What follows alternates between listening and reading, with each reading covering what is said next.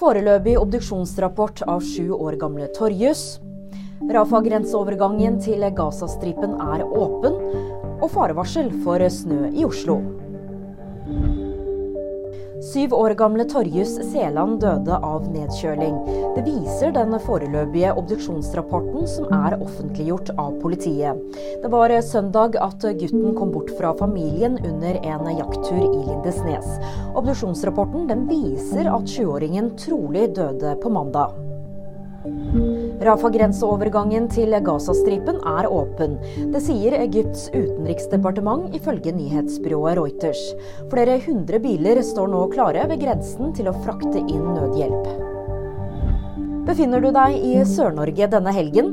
Da må du kle deg godt, for Meteorologisk institutt har sendt ut gult farevarsel for snø i hovedstaden og deler av Østlandet.